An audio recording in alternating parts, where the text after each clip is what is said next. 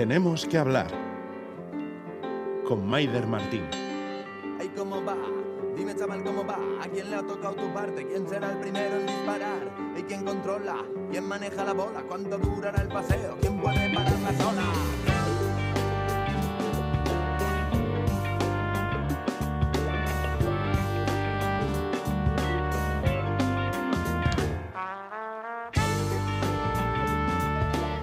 Hola, ¿qué tal? ¿Cómo lo llevan? Nosotras encantadas de saludarles desde aquí, desde Tenemos que hablar, pero les advertimos, hoy todo lo que nos ocurra no va a ocurrir entre las ondas, sino desde un centro escolar, ya lo escuchan.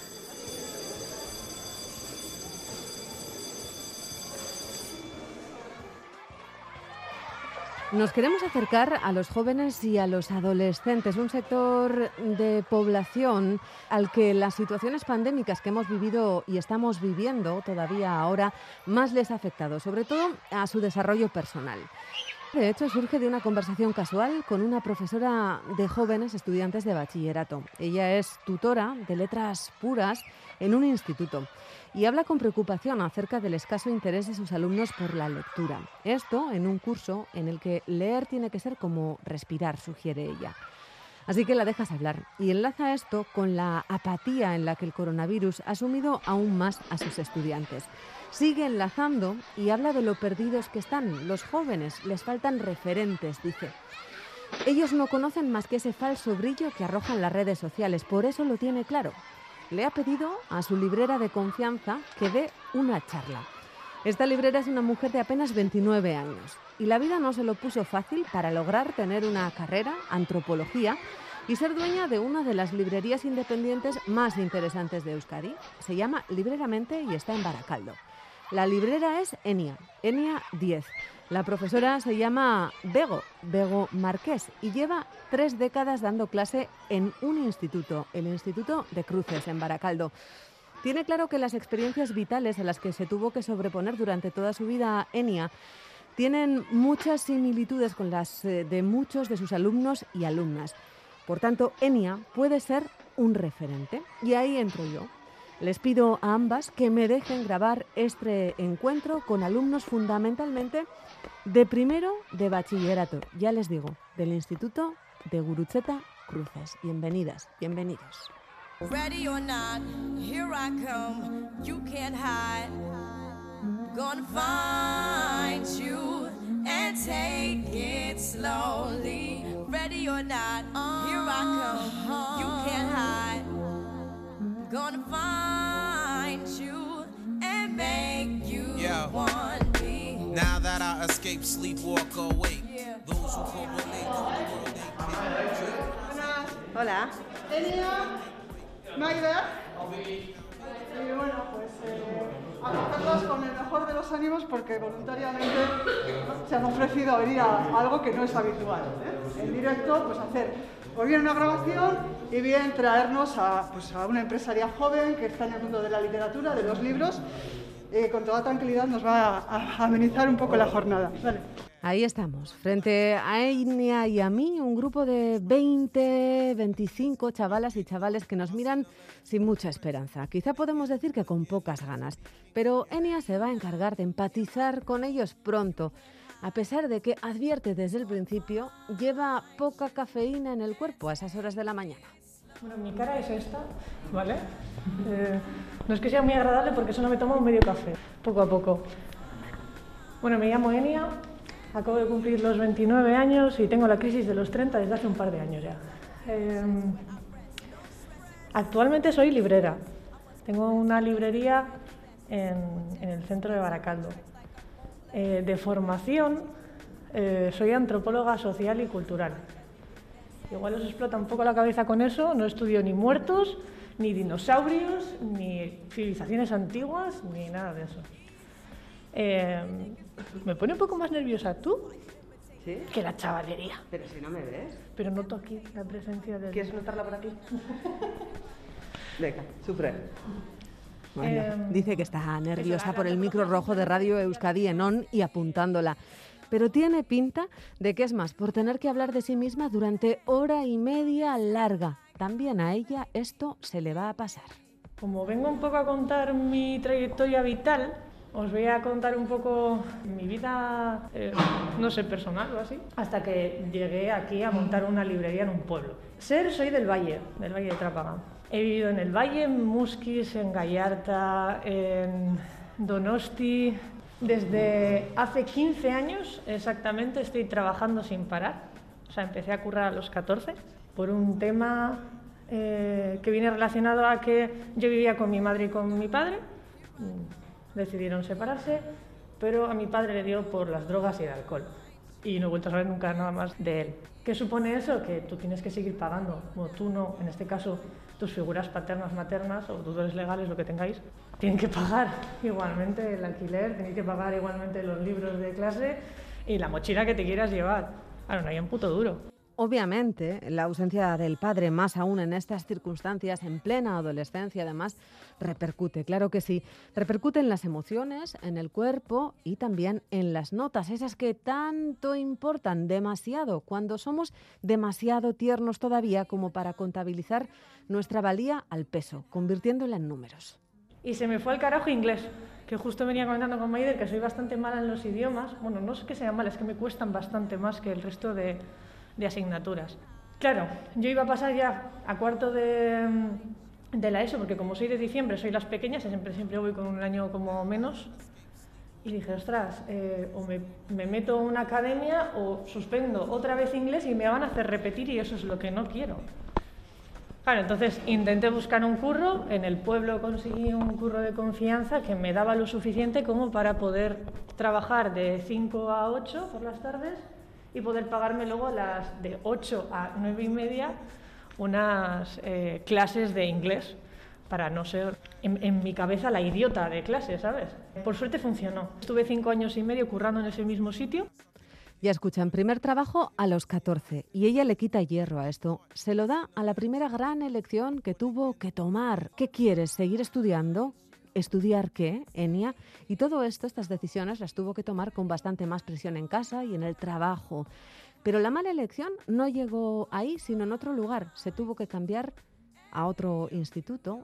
Cuando yo salí de cuarto de la ESO, no sé si os ha pasado a vosotras, supongo que sí también. ¿Qué? ¿Ciencias o letras? Si no lo sé, ¿sabes? Si yo quiero estar en mi casa, no tengo ni idea de, qué elegir o no elegir. Primeramente elegí ciencias. Eh, me cambié de, instituto, me fui a Portugalete a lo que para mí es el peor año de mi vida. Me metí a un instituto que para mí fue el, horror. No lo había pasado tan mal nunca. Los profesores te ninguneaban en función de las notas, que supuso que yo dejé eh, bachiller. Me, fui eh, rota por dentro porque los profesores me hicieron sentir tonta. O sea, yo les creí. Me dijeron, pues es que ni no vales para esto. Siempre tengo la suerte de tener a mi madre al lado que me dijo, Yenia, bueno, pues igual es que no han sabido apoyarte adecuadamente, vamos a intentarlo en otro sitio. Claro, pues yo qué sé, tengo 16 años, ¿qué voy a hacer con mi vida? Vale, ¿sabes? Aparte de trabajar, bueno, pues voy a intentarlo, si no, no pierdo nada. Me cambié de centro escolar, acabé en Musquis y ahí vi que no era tonta y que se podía.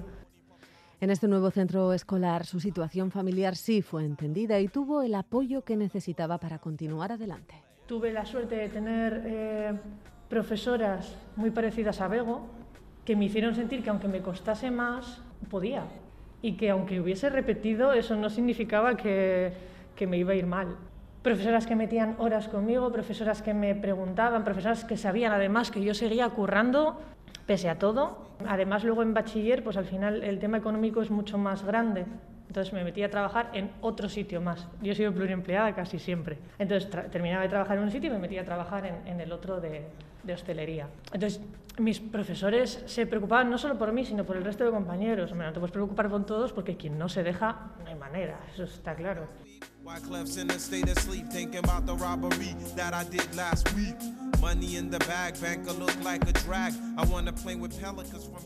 Y bueno, conseguí acabar eh, bachiller, nunca ha sido de notas, em, y me volví a pasar lo mismo que en cuarto de la ESO. Mierda, tengo que hacer selectividad. ¿Qué quiero estudiar para el resto de mi vida? Porque claro, tú estudias una carrera que tienes la sensación que va a ser para siempre.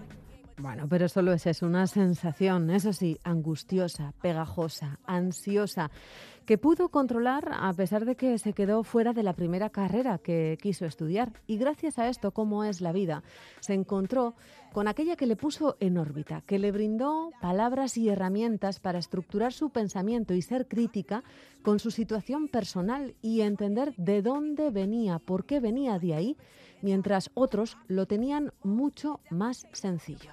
Y yo ahora mismo a la antropología le debo absolutamente todo, porque la antropología vino, te da un sopapo, pero con la mano abierta, te quita todas las ideas que tienes en la cabeza y ahora empieza a construir de nuevo. Eso a mí me vino muy bien, porque mm, yo recuerdo llegar a bachiller literalmente inculta, de no sabía que era simplemente el hecho de, no, si está a la izquierda, pues la posición es la derecha, y yo no lo sabía. Claro, el resto de mis compañeras y compañeros me decían, esta tía es idiota. Pues sí, luego me he dado cuenta que no, que no era idiota, que es más un sistema de clase pues en el que en mi casa no había tele, en el que no estaba informada políticamente hablando porque nos dedicamos a, trabajar. Entonces, pues bueno, pues los años lo aprendes y ya estaría. Y la antropología, eso, pues más de lo mismo. La gente que iba a antropología sabía un montón de cosas que yo decía, ¿qué bachilleres han estudiado? ¿Quién soy yo? ¿Qué hago aquí? Callada, venga a estudiar, venga a meter horas, me tiré todos los días del mundo a la biblioteca y en esto le quitan la beca para poder seguir estudiando. Desgraciadamente en tercero de carrera me quitaron la beca, lo que supuso que yo tuve que dejar la universidad. Yo mientras estaba en la universidad trabajaba también en dos sitios a la vez. Yo trabajaba, o sea, iba a la universidad de aquí a Donosti, estuve viviendo allí dos años. Cuando me quitaron parte de la beca tuve que ir y volver en tercero. Y luego ya en tercero me la quitaron del todo. Entonces, yo iba en bus, me levantaba a las seis, cogía el metro, me iba al bus, a las ocho y media empezaban las clases ya en Donosti, eh, a la una, una y media terminaban, volvía y a las tres y cuarto entraba a trabajar, pues en aquella época en el Decathlon de Bilbao. Terminaba a las diez, yo me iba a Baracaldo, o sea, ojo a lo que os estoy diciendo, ¿eh? Primero Donosti, después Bilbao, luego me iba a Baracaldo y trabajaba hasta la una o cuando cerrase el local porque yo era cocinera en un restaurante. Y termina así, vuelves al día siguiente a hacer lo mismo. Y eso que tenía beca. Y esto todos los días, hasta que la situación se complica aún más. Cuando ya me quitaron la beca del todo, ya ni hostias. Eh, ya ni, vamos, ya nada de nada. Entonces, eh, dejé la universidad, mi madre estuvo casi dos años de baja, cero ingresos, en una casa que al final acabé comprando yo para poder vivir. Entonces tengo una hipoteca desde los 23. Es una vida maravillosa, fascinante. No es triste, ¿eh? O sea, es dura, pero es lo que hay, ¿sabes? Yo qué sé, vivimos en Baracaldo, ¿sabes? Que no tenemos un dinero aquí para morirnos. Es que es, es, que es clase total y absoluto. Entonces, tengo una hipoteca que no quiero desde los 23, eh, porque nunca quise tener un piso con 23 años, 23 igual con 21, no recuerdo las edades exactas. Pero también me daba la opción de dar un, techo a mi madre, eh, que creo que eso para mí siempre ha sido lo más importante de todo.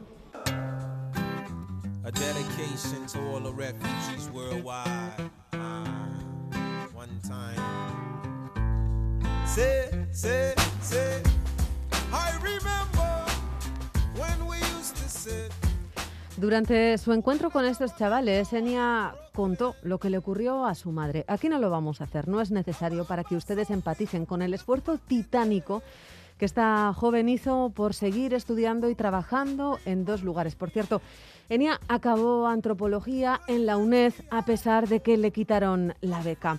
Y para este momento, los pares de ojos que la miran han empatizado con ella de sobrísima. Y mientras tanto, yo estaba trabajando ya en, en FNAC, que eso yo creo que más o menos todo el mundo lo conoce, que es un centro, no sé si llamarlo centro comercial, porque ahora mismo ya no sé ni qué vende, es un grandes almacenes. Em, y trabajaba en la zona de librería. ¿Qué pasa? Que en la zona de librería vendes absolutamente todo, lo que te gusta y lo que no. Y yo ya llevaba bastante tiempo en mi vida personal militando en, en movimientos sociales, porque creía que, todo este conocimiento que me había dado la vida a base de hostias tenía que invertirlo en que a nadie más le pasara.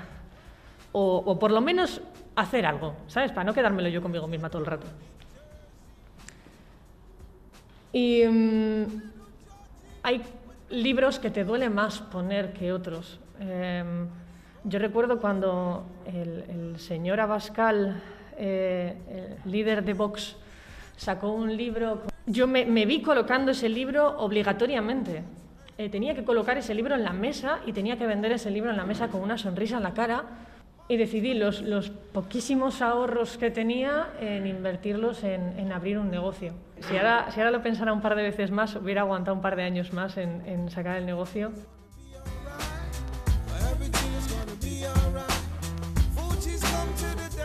Ese negocio es Libreramente, su pequeña librería, una cajita de cerillas en su primera versión. Era un- una caja de cerillas con baldas y libros todos de cara, porque no tenía dinero para comprar tantos libros como para ponerlos de canto. O sea, el, el lomito no, no había manera. Entonces todos estaban así, puestos, un cookies. Precioso, claro, pero... O hacías una selección fina, fina, que la gente entrase y dijese, hostia, qué guay. O iban a entrar a una librería que igual tenía que 100 libros. Y la cosa le fue bien. Pero funcionó. Funcionó porque decidí traer un contenido que, que nos hiciera crecer. Tenemos que tener muy claro quiénes somos, de dónde venimos, eh, qué necesitamos leer para crecer. Reitero que somos de Baracaldo, que es obrero al máximo, somos pobres casi todas, ¿sabes? Somos clase obreras todas. Y, y yo veía que necesitábamos como esa conciencia para seguir siendo capaces de criticar lo que nos viene, porque mm, me, veía que había comentarios y discursos que nos llegaban y asimilábamos porque decían, no, no éramos capaces de decir esto es una mierda. Entonces, pues bueno, decidí traer libros que fuesen de fácil acceso. Traje mucho de feminismo, mucho de política, eh, pero a veces dices, ostras, es que leerme un libro de política o uno de feminismo son un tocho, me leo dos páginas, no me estoy enterando de nada. No, mi idea era traer esos libros, pero que todo el mundo, eh, o sea, que si lo dices a la vecina del quinto que no sabes quién es y lo entendiera. Porque en antropología nos enseñan una cosa muy importante, que es que si tú no eres capaz de explicarle lo que estás haciendo o lo que estás pensando a tu abuela, es que hay algo falla. Hay que saber utilizar el vocabulario, hay que saber utilizar las formas. eh, ¿No te gusta un libro? Léete un cómic, si te está contando lo mismo. Bueno, pues vamos con los cómics. Primer ejemplo, por si quieren apuntar una buena recomendación de novela gráfica. Tía, te estás leyendo, yo qué sé, el de Maus, que es un, un cómic que flipas de la, segurra- de la Segunda Guerra Mundial, increíble, basado todo en hechos reales, que encima te está contando su propia vida. Ostras, qué guapo, y es que me estoy enterando, porque es que me lo está contando entre los dibujos, que me hacen mucho más fácil seguir las historias, eh, y, y el que los bocadillos son mucho más eh, escuetos, más pequeños, más fáciles, todo es mucho más sencillo. Pues eso, en este momento Enia mira a los chavales y chavalas a los ojos y les dice, leed, leed de todo lo que os haga pensar, pero poneroslo fácil, que la vida ya es demasiado compleja. Todo el mundo dice, no, si es que la gente no lee. Y el problema es que eh, nadie nos enseña a leer, eh, nadie nos enseña opciones de libros que encajen con la persona que tienes delante. Eh, además tenemos mucha tendencia a infravalorar, ¿no? La novela es una mierda, léete un buen ensayo, ay, que te funda el cerebro. No. Y luego también, pues eso, lo mismo, el cómic lo infravaloramos. No. Eh, entonces, bueno, cambié el local, es bastante más grande, ahora está un pelín más céntrico. Eh, ahora tengo un sofá en la librería. ¿sabes? Es lo mejor que he hecho en el mundo. Eh, tengo un club de lectura eh, que yo nunca pensé que esto iba a pasar, que lo hago una vez al mes, lo hago en el Teatro de Baracaldo y vienen 50 personas todos los meses. Y dices, hostia, no leemos, pero lo mismo, es que nadie nos había dicho, este es tu libro, o, o este es tu cómic, o esta es tu, esto tienes que leer. Eh, yo me he descubierto eh, con clientas que les había llamado la atención la librería porque visualmente es muy llamativa, está hecha con palés, es, es bonita, o bueno, queda mal que lo diga yo, pero es que es bonita, yo qué sé. Em, que han entrado diciendo, mira, es que yo no leo, pero es que me llama la atención las portadas, me llama la atención la librería, mm, ¿hay algo que pueda leer yo? Y de repente que esa misma clienta, es que la, la pongo nombre y cara, al año siguiente venga y me diga, me he leído cinco libros este año. hostia, ¿eh? Y ahora es, bueno, pues una vez al mes o una vez cada dos meses viene, coge algo, siempre coge algo escueto, siempre coge mucho novela gráfica, el cómic, porque ella se siente más a gusto. Pero como ella, miles. Miles como nosotras. Desde ese sofá de su librería renovada, más grande, podemos leer más libros para pensar, pero como dice Enia, sin fundirnos el cerebro. Siguiente recomendación, superhéroes, Batman. Pues Batman, ¿qué dices, Enia? Hay un libro de Batman que se llama Caballero Blanco, que es brutal. O sea, brutal políticamente hablando. De repente el Joker se planta ahí, empieza a tomarse unas pastillicas de salud mental, que no te dice qué es, em, y empieza a meterse en política. Y consigue darle la vuelta a la tortilla, todo tal. Es eh, muy guay para analizar el fascismo de ahora, ¿eh? es, una cosa muy chula. Que llega al, poder y ahora Batman es el malo. Eh, nada, es, un, tomito así estrechito, pero es bastante guapo. Y te da para, para pensar. Y dices, tres, pues igual nunca hubiera leído Batman en mi vida, ¿sabes? O gente que no hubiera leído otro tipo de cosas, de repente se ve leyendo Batman y haciendo un análisis político de qué es esto.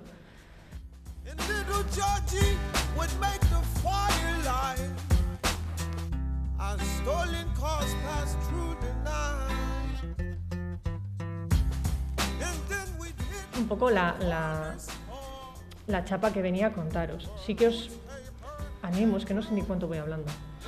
Siete minutos. Demasiado. Eh, a que le deis un par de vueltas a, a, a libros y a formatos. Eh, hay un cómic buenísimo que ha salido ahora, que es el de Amelia, Historia de una lucha, que te cuenta la vida de, Amelia, que es una, una mujer eh, que actualmente vive en el Estado español, que fue víctima de, trata, eh, de prostitución, fue pasada de, Rumanía a España por 300 euros, te va contando toda su vida dentro de los eh, burdeles, o como ella lo llama, campos de concentración por el Estado. Y eso está en, en cómic, y es súper accesible, que tiene, yo qué sé, 80 páginas. Y te puedes leer eso tranquilamente y es una gozada. Eh, o un rebelión en la granja, de, de, Orwell, que son también 100 páginas, eso es un libro, te lo lees en nada, es magnífico, 1984, y si ya os queréis ir a 150 páginas.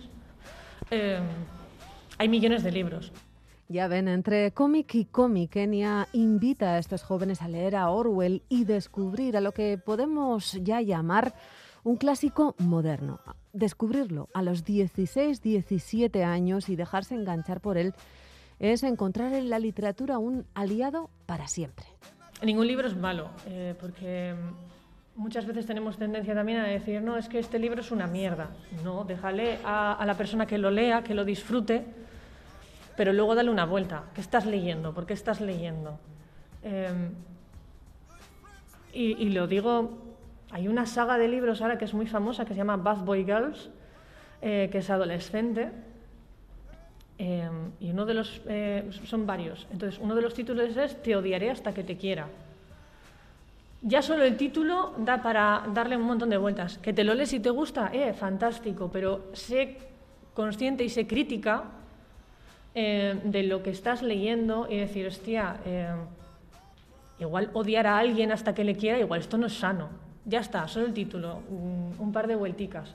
¿Sabes? Que luego yo soy la primera que se va por ahí a bailar reggaetón. Entendedme, ¿eh? O sea, pero soy consciente de que las letras son una basura. Eh, son incitación al odio hacia la mujer, es una cosificación total, es, es terrorífico.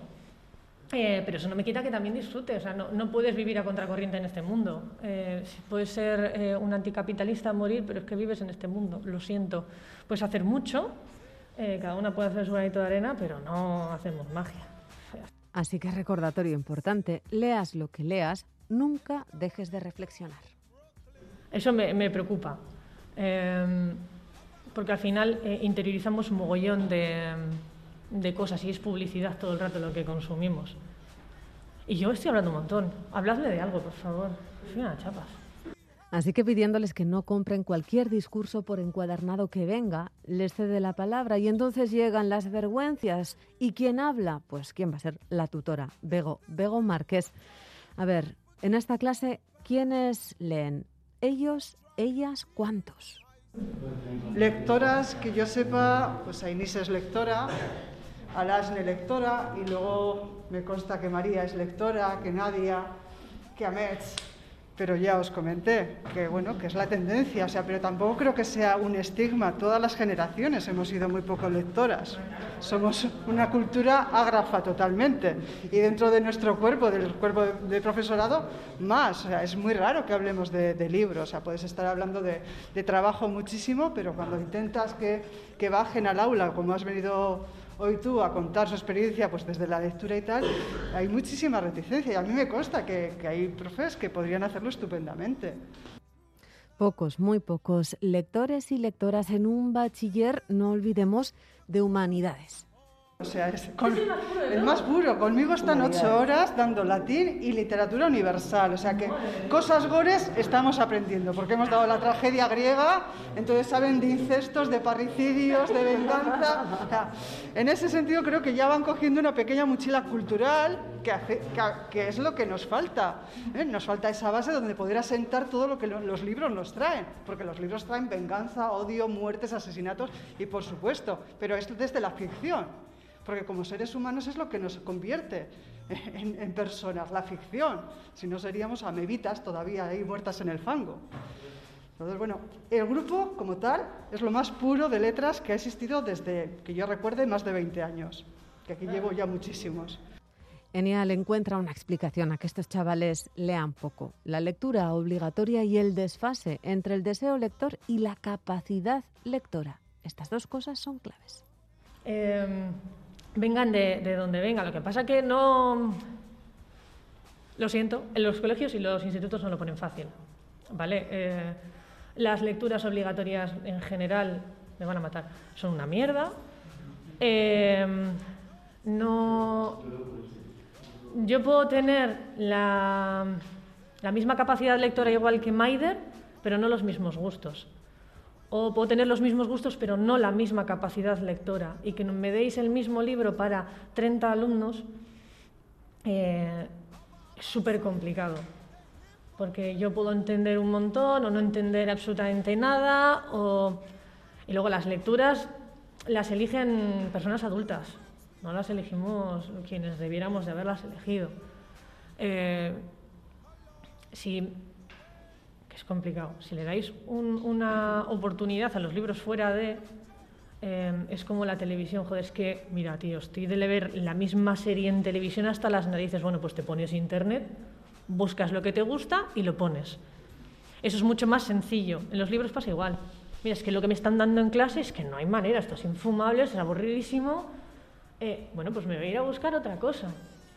Y luego funciona. O sea, he trabajado muchos años con con libros, un montón de años también eh, vendiendo y aconsejando y funciona. Llegas, le das un libro a alguien que le enganche y ya está. O sea, ya lo has, perdido para toda la vida porque igual no te lee 25 libros al año, pero ya te va a pedir otro más porque ya le ha molado.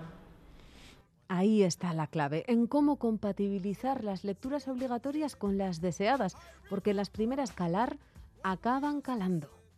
Además es que luego se va calando. Pues tú que te crees que aquí no hay nada y luego todo lo que te está contando Bego, de repente, eh, dentro de un año dices, ah, pues es que me acuerdo de... Yo me acuerdo de mis profesores de bachiller en Musquis, como si fuesen, yo qué sé, mis padres. Em, porque para bien o para mal me he quedado con lo que me decían. Eh, no todo, obviamente. O sea, vamos a ser realistas. Bueno, y en este punto me empiezan a surgir las dudas a mí. De estos 20 chavales y chavalas, la minoría que lee, ¿qué escoge para hacerlo por placer? Y los que no lo hacen, ¿por qué han decidido estudiar este bachillerato? ¿Por qué no quería mate? Todos. Porque tú ves las notas de ellos de mate y estoy flipando. Y te quitan las ganas, ¿no? De intentarlo. Ves la pizarra llena de ecuaciones y ya ¿Y, vosotros? Eh, vamos a partir de la base, ¿no? Ha venido una librera a hablar de su experiencia como personal y profesional, de cómo ella llegó a montar una librería ultra joven. Eh, ¿Vosotros leéis? ¿Vosotras leéis? ¿Y qué leéis? Venga, sin miedo. Venga, ahí. ¿Esta banda qué dice? Ah, bueno, eh, a ver, yo sí leo mucho, leo... Porfa. Me llamo María. Chicos, que si no me... Nice, te voy a preguntar a ti luego, ¿eh? Sí, sí, sí. Eh, pues leo mucho, bastante. Y suelo leer, pues, eh, sobre todo de amor y así. Y también me he leído el de Maus, que lo ha dicho antes. Sí, me lo he leído. Vamos, a ver, se dice que la buena de clase. María es un diamante. Y ¿Qué te pareció Mouse? Pues está bien. Sí, la verdad que sí, pero... no, Pues te has leído un premio Pulitzer. sí, ya sé, pero a ver. Y también, a ver, de vez en cuando también fantasía, pero muy pocas veces. Y ya. Vale, has leído Mouse, ¿no? Nos dices. Y lees de amor y fantasía. ¿Qué? Ponnos ejemplos. Eh, pues de amor, por ejemplo, After eh, y la saga de Crepúsculo. Y de fantasía, pues eh, las crónicas de Narnia. Y ya está. ¿Qué dices? Que el de las crónicas de Narnia está muy bien. ¿Cómo, cómo te llamas? María. María, échale un ojo a mm, Nacidos de la Bruma, que es una saga, está súper bien, pero bueno, Nacidos de la Bruma para todos, ¿eh? porque es de fantasía, está bastante, bastante guapo. Dicen que va a ser, eh, el autor se llama Brandon Sanderson, y dicen que será el que termine los libros de Juego de Tronos. Es un escritor magnífico, magnífico. Naya, ¿quién es? ¿Tú? ¿Tú? Ah, vale. ¿Tú qué lees, Naya? Eh, pues prácticamente lo mismo que María, lo romance y fantasía también, lo, lo que más suelo leer. ¿Por qué lees romance y fantasía?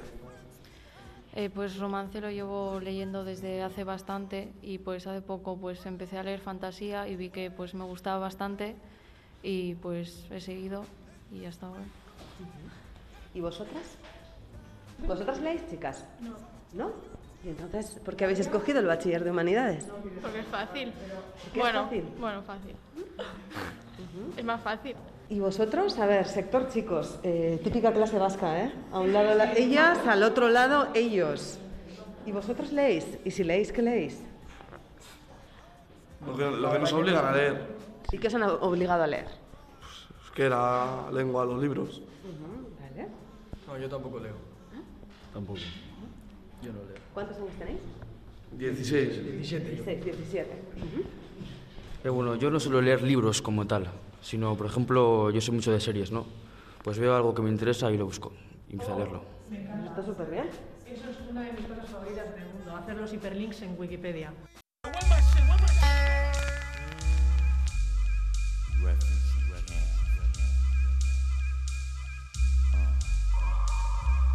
We used to be number 10, las que habéis y los que habéis dicho que habéis elegido bachiller de letras porque es más sencillo, porque no tiene matemáticas, em, ¿por qué estáis haciendo bachiller? O sea, ¿qué queréis hacer después? Porque sabéis que hay limitaciones luego a la hora de elegir las, eh, las carreras universitarias en función del bachiller que hayáis elegido. Venga, María. Pues no, es que no sé lo que quiero hacer, la verdad, pero pues cuando termine bachiller, pues ya elegiré, ya elegiré. Por ejemplo, en la ESO tampoco sabía que, iba a hacer seguro bachiller. Entonces ya cuando llegué a cuarto, pues dije bachiller y así. ¿Te agobia la idea de no saber qué quieres hacer? Un poco. Sí. A veces. Poco. Sí. A ver, ¿por qué es el más fácil? Has dicho tú. ¿Qué te llamas? Sandra. Sandra. Vale. ¿Qué idea tienes cuando acabes bachiller? ¿Hacia dónde Yo qué quieres sé. mirar? Hacia un grado. Un grado. ¿Cuál? ¿Tienes alguna idea? Hombre, querer auxiliar de veterinaria, pero no va a llegar. Vale. ¿Por qué no vas a llegar? Eso es. ¿Por qué? Porque es una vaga. Ah, vale. Les vamos a dejar. Sí, va- nosotros vamos a seguir. Si alguien, si alguno queréis quedaros, comentar algo, pues encantados, pero pues no vamos a alargar más la, la sesión. Espero que, que deje un pozo interesante, que hayamos roto la rutina, que a veces es lo que más cuesta, y que bueno, que mañana nos dé tema de conversación. Pero eso, queda abierta la invitación a las personas que queráis quedaros, comentar algo con Enia o, bueno, simplemente por estar. Agur. Y se quedan unos cinco jóvenes. Son de segundo de bachillerato. El grupo es más reducido, ellos son un año más maduros que los de primero, que eran mayoría, y se genera más confianza. Antes que nada, ¿vosotros quiénes sois? Somos de segundo de bachiller. Y os habéis De- infiltrado en la clase de primero. Gracias a Begoña Márquez. Pues me gusta escucharte, Enya. O sea, no sé, en plan. Se nota que es muy sincera. Bueno, acaban de escuchar a Sebas, es pura alegría contagiosa, un poco de mordacidad también es. Es amigo de Ainise, más formal, más tranquila, también más agobiada y parece un poco más en crisis. Ainise está perdida, como todos los adolescentes, como nosotros cuando lo fuimos y como en aquel momento nos pasó a, a nosotras, no entendemos que este agobio es parte del proceso de hacernos mayores. No sé. No tengo ni idea de lo que me pasa. Es un poco eso, totalmente. Es como que no sé ni a, sé a dónde voy y se. A mí se me dan muy bien los estudios en general, ¿no? Tengo facilidad, siempre la he tenido y son cosas que realmente yo luego hablo con los... Yo digo, no me importa. Obviamente sí me importa, pero es como siempre ha sido lo que se espera, me- siempre ha sido lo que he dado. Entonces, si tú tienes un 9, entonces ya no se esperan menos ni tú te esperas menos. Entonces, yo eso se lo he llegado a decir a, a, a gente, ¿no? Hablando del agobio, del estrés, de tal. Ya, o sea, me preguntan, ¿qué tal los exámenes? Y yo a veces les digo, si es que ya no es qué tal los exámenes, los exámenes van a salir bien. La cosa es cómo estoy yo en el proceso de hacer los exámenes. Porque yo, yo sé que la nota me la voy a sacar y tú sabes que la nota me la voy a sacar, pero cómo estoy yo en el proceso de llegar a, ahí. Y, es un, pues eso, una montaña rusa. Desgraciadamente, el, el fin último es el número. Entonces nos perdemos por el camino absolutamente todo lo demás. ¿Sabes? Lo mismo que eh, el fin de sacarse una carrera es encontrar un trabajo. Yo hice una carrera en la que sabía que no iba a tener o sea, un trabajo de antropología. ¿Alguien conoce una antropóloga que esté trabajando de ello? ¿Alguien conoce una antropóloga directamente, sabes? No, yo estudié lo que me apetecía y lo que me hacía feliz, porque eh, ahí descubrí las notas que tú tienes eh, también valían para mí. Eh, descubrí que era feliz. Los nervios no te los va a quitar nadie. O sea, eso va contigo siempre, pero descubrí que era feliz estudiando esto y leyendo esto y, y aunque no me gustase, me, mm, la casualidad, pues la asignatura o lo que sea, era eso lo que quería hacer. Em, vas a tener que vivir con esa ansiedad eh, de examen siempre. Eh, y encima tú, a sabiendas de que vas a probar porque ya tienes eh, ese plus, ¿sabes? Imagínate yo, que era idiota perdida, e iba con el plus de, pues no sé qué voy a sacar, ¿sabes? A ver qué, a ver qué pasa aquí. Y que luego la, inteligencia también te la dan los años, ¿no? Los números que saques, eh, que sí que en el sistema educativo es lo que te cuenta, pero la inteligencia te la da lo que tú leas, lo que tú investigues. Ya ven, Enia trata de, de calmar a Inise, de quitarle hierro a ese mal endémico que tenemos no solo en el ámbito escolar o académico, sino en casi todo, de movernos por objetivos, de no saber disfrutar del viaje. Y quita hierro también al estigma que en cierto modo sigue teniendo hoy día esto de cuidar la salud emocional, o sea, hacer algo tan simple como ir al psicólogo. No sé qué voy a hacer mañana, ni, ni qué va a ser de mí mañana. Yo ahora mismo estoy haciendo lo, lo que hago hoy, lo disfruto hoy. No, no puedes pedirle más. O sea, y, y ahora mismo menos en un mundo pandémico, eh, en el que, tía, disfruta ahora. deja de darle- o sea, es, como dice mi psicóloga, anti- eh, ansiedad anticipatoria. Te estás anticipando algo que no sabes ni si va a pasar o no. Y si ves que no puedes más, psicólogas molan que flipas. O sea, mejor invento del mundo, ese. Porque no, no nacemos sabiéndolo todo, ni teniendo todos los recursos, ni sabiendo cómo gestionar nada. ¿Sabes? O sea, la educación emocional que tenemos en general, por mucho que nuestra familia ponga mucho de su parte, es nula en la sociedad.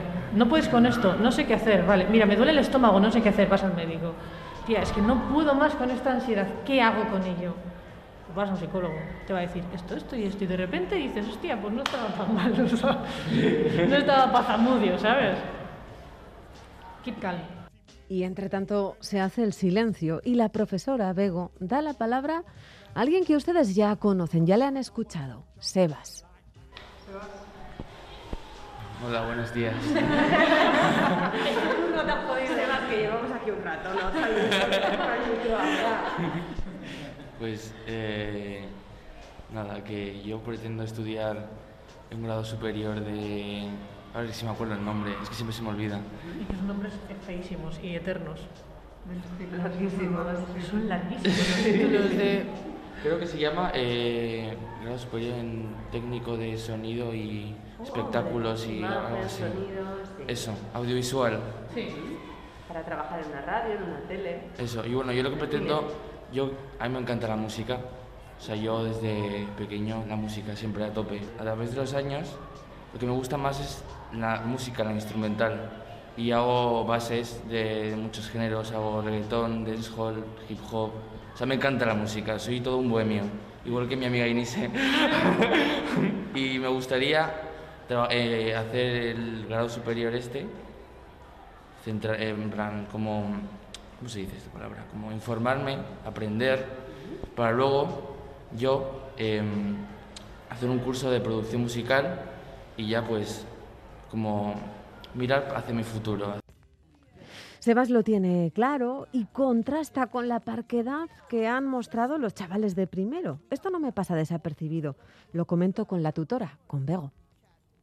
Bueno, está muy bien para como reflexión ahí. Me parece súper interesante ver el cambio, la evolución, lo que decías tú, esa sensación de pérdida como muy arraigada en primero, ¿no? Y en segundo parece que a pesar de el maremoto de emociones, ¿no? Os vais encontrando, se van encontrando. Sí, primero fue duro el año pasado y como grupo fue un privilegio porque solo estaban 12 en clase. Imagínate lo que es re- regresar al aula, porque ellos regresaban, o sea, desde el 12 de, de marzo, que fue la última vez que nos vimos. Sí regresamos con segundo de bachiller porque hubo que preparar selectividad el 25 de mayo, pero este grupo lo había dejado en marzo y vuelve al aula en, en septiembre. Y bueno, a mí me sirvió de refugio también. O sea, yo recuerdo que hubo, teníamos viernes última hora clase, después de toda la semana, y eran horas de terapia. ¿Os acordáis, verdad? Y fueron como tablas de salvación, porque a veces tenía la sensación de naufragar, de, de- de decir, yo de esto me quiero marchar. Y a mí me pilló con treinta y tantos años de experiencia. Pero sí hubo momentos que pensé, si llego a empezar así, lo dejo. O sea, yo no hubiera encontrado un, algo a lo que agarrarte para poder llevar toda la carga. Y como grupo, pues creo que hicimos eso, algo que se improvisa, porque estamos en la improvisación. Vivir posiblemente la mayor, el 90% es improvisación. Y el año pasado, con, y surgen pues momentos estupendos, porque te tienes que descubrir a través de...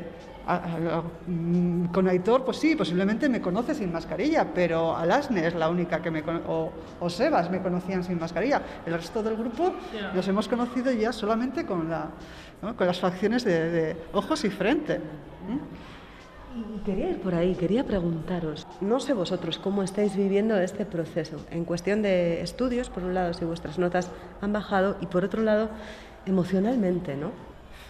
A mí es que soy una persona como muy... Va a sonar muy raro, pero muy mía. La cuarentena en sí, yo creo que fue un tema que mucha gente lo pasó muy mal, sobre todo eh, yo, mm, mi madre, yo, yo la vi pasándolo peor igual que incluso yo. Yo salí una vez en tres meses a la calle. No fui a hacer la compra ni una vez.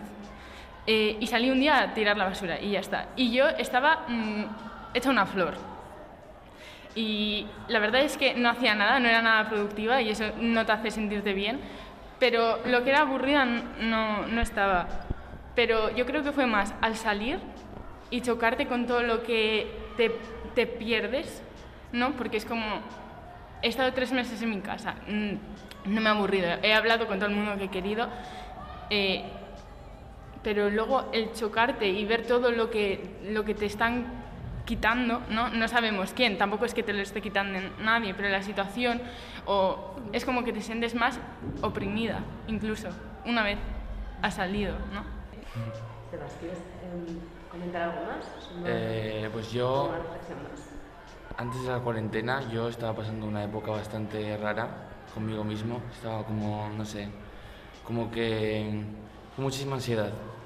Y que llegó la cuarentena y fue como un hostiazo. En- fue como, te quedas en casa.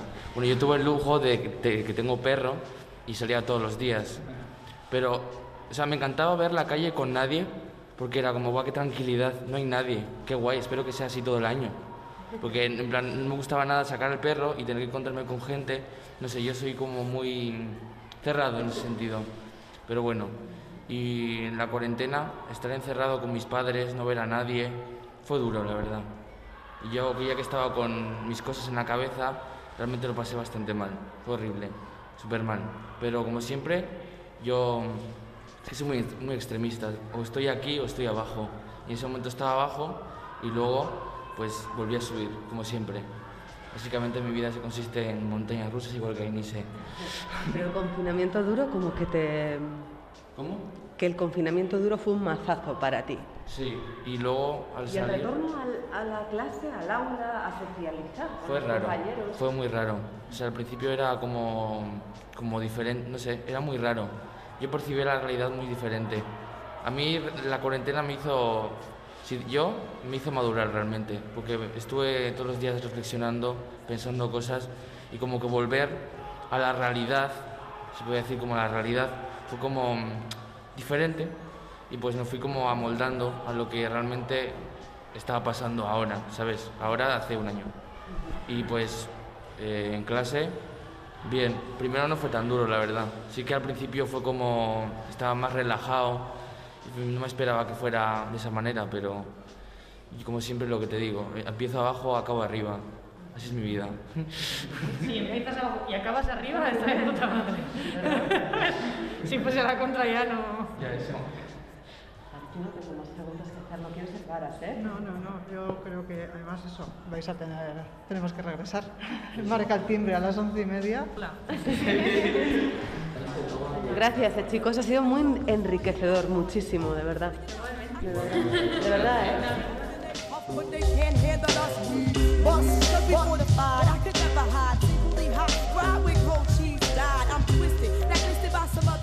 Ahora que los chavales se han ido, a mí me queda una última duda.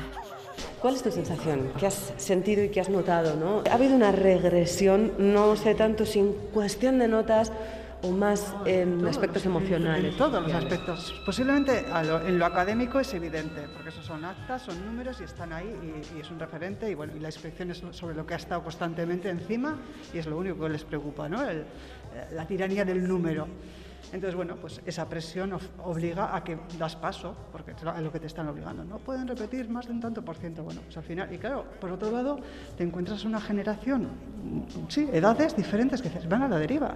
O sea, porque nos hemos encontrado que el año pasado, cuando volvíamos a cuarto de la ESO, el nivel académico puro y duro, pues estaba en un segundo de la ESO. Tremendo, por parte de, lo- de los adultos, pero también por parte de, de la adolescencia. La adolescencia al final tiene la sensación, no lo pueden verbalizar porque todavía no tienen la mochila preparada con palabras, no, todavía van en bruto, van con las emociones y se han, pues lo que hemos dicho siempre, los perfiles se aumentan, se, se ha producido un extremismo mayor.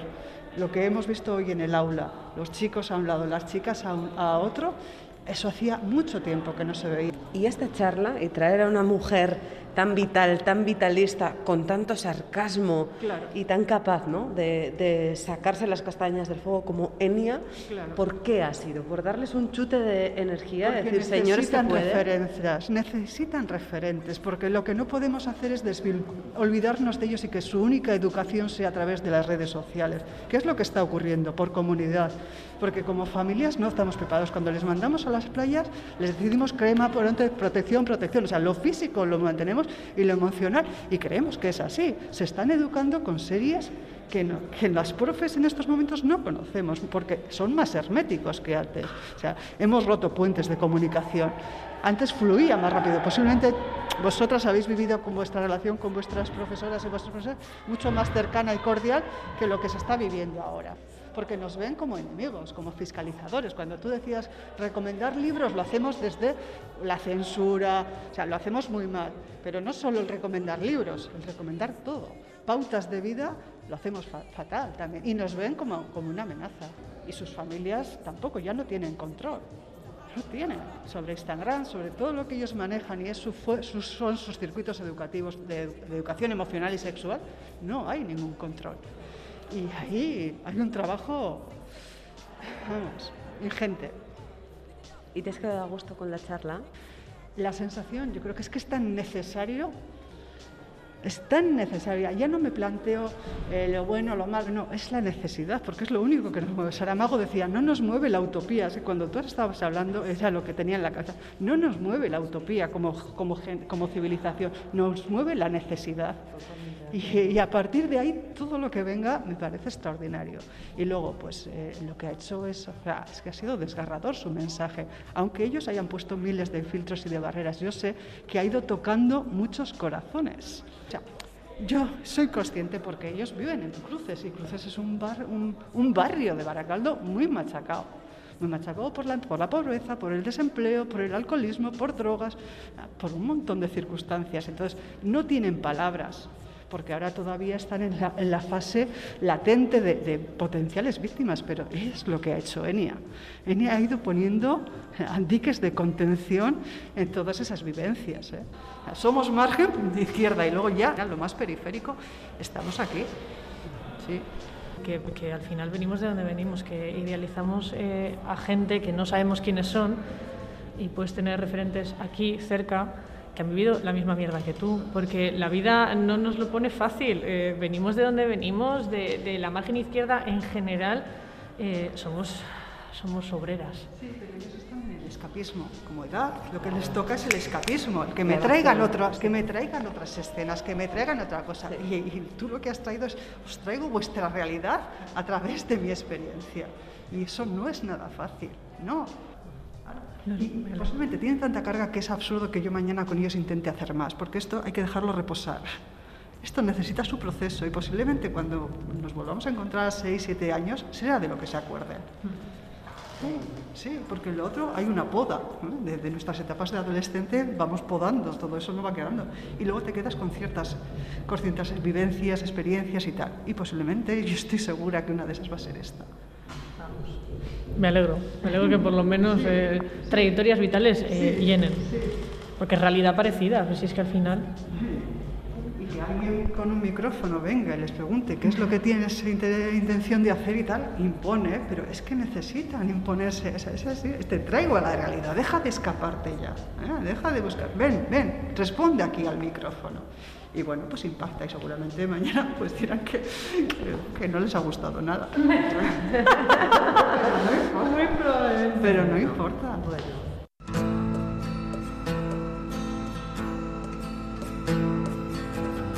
Pero no importa porque a veces es imprescindible que nos abran los ojos, que escuchemos lo que no estamos dispuestos a escuchar.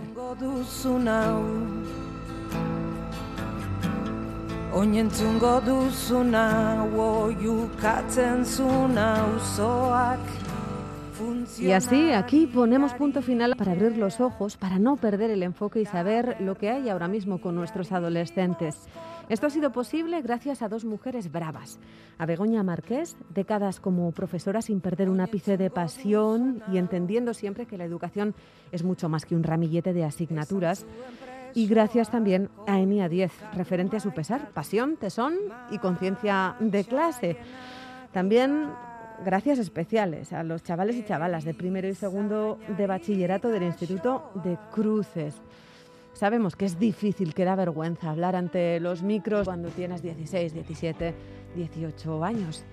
Pero ya sabéis, tenemos que hablar para encontrarnos, a veces, en un mundo de locos.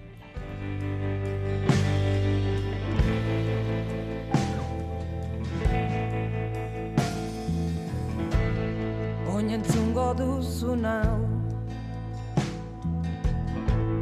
Oinentzungo duzu nau Entzun zen behin irulegin Entzun zen oionen Entzun zen herri berri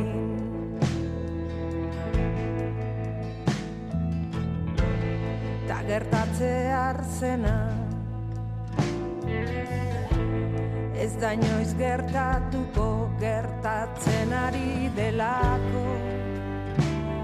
Eta bada garaia erreka oso bat edateko kantatu